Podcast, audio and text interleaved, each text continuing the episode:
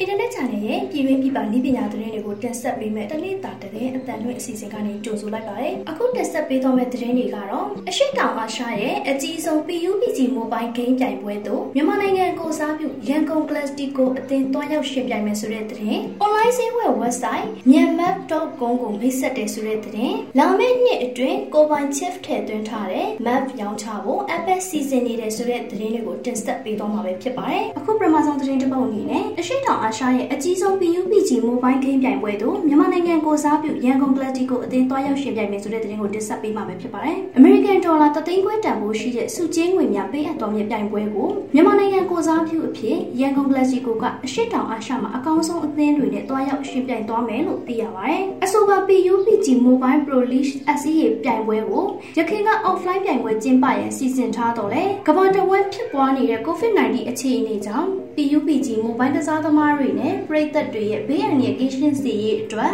online တည်တံ့ပြိုင်ပွဲအဖြစ်သာပြောင်းလဲကျင်းပတော့မှာဖြစ်ပါတယ်။ PUBG Mobile Pro League SEA Final Season 1ကိုလာမယ့်မေလ1ရက်မှ3ရက်အထိကျင်းပတော့မှာဖြစ်ပြီးမြန်မာအသင်းဖြစ်တဲ့ရန်ကုန် Classic ကိုလည်းပါဝင်ရှင်ပြိုင်တော့မှာဖြစ်ပါတယ်။အဆိုပါပြိုင်ပွဲရှင်ပြိုင်မှုတွေကို PUBG Mobile Facebook Page ကနေတဆင့်ထုတ်လွှင့်ပြသသွားမယ်လို့သိရပါတယ်။ နောက်ထပ်သတင်းတစ်ပုဒ်အနေနဲ့ online ဈေးဝယ် website myanmar.com ကိုမိတ်ဆက်တယ်ဆိုတဲ့သတင်းကိုတင်ဆက်ပေးမှာပဲဖြစ်ပါတယ်။ကုန်ပစ္စည်းများကိုအခမဲ့ရောင်းနိုင်တယ်လို့ဝယ်ယူတဲ့အခါမှာလည်းဝန်ဆောင်ကပေးချင်ရန်မလိုအပ်ပဲဝယ်ယူနိုင်မယ်။ online ဈေးဝယ် website myanmar.com ကိုမိတ်ဆက်ခဲ့ပါတယ်။မြန်မာနိုင်ငံဟာတိုးတက်ဖွံ့ဖြိုးလာတာနဲ့အညီ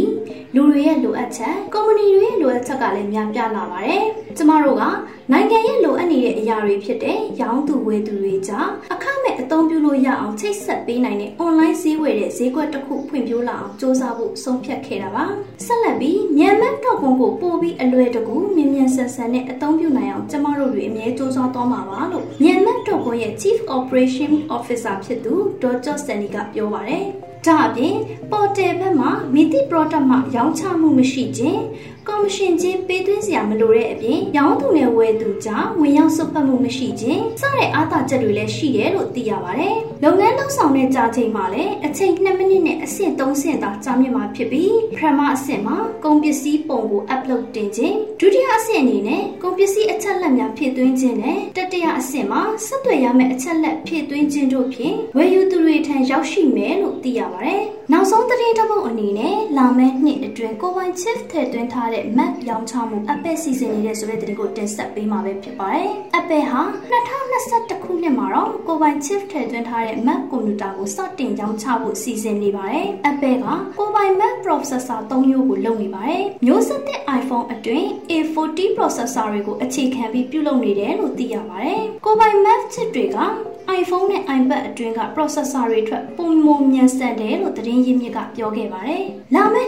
နှစ်မှာ အနည်းဆုံးတော့ကိုပိုင် chip ထုတ်လုပ်ထားတဲ့ Mac ထုတ်ကုန်တစ်ခုကိုထွက်ရှိဖို့ Apple စီစဉ်နေပါတယ်။ဒါပေမဲ့လည်း chip မျိုးမျိုးထုတ်လုပ်မဲ့ Kalamata အစီအစဉ်က Intel အပေါ်မိခိုနေရတဲ့ Mac ကိုအပြောင်းအလဲပြုလုပ်နိုင်ပါတယ်။ iPhone နဲ့ iPad processor အတွက် Apple နဲ့ပူးပေါင်းထားတဲ့ Taiwan Semiconductor ကုမ္ပဏီက Mac chip အသစ်ကိုထုတ်လုပ်မယ်လို့သိရပါတယ်။ chip အစိတ်အပိုင်းတွေကို5 nanometer ထုတ်လုပ်မှုနည်းလမ်းနဲ့ဖန်တီးမယ်လို့သိရပါတယ်။လာမယ့် iPhone နဲ့ iPad Pro မှာလည်းအလားတူ chip အရွယ်အစားကိုပဲအသုံးပြုမှာပါ။အခုတင်ဆက်ပေးထားတဲ့သတင်းတွေက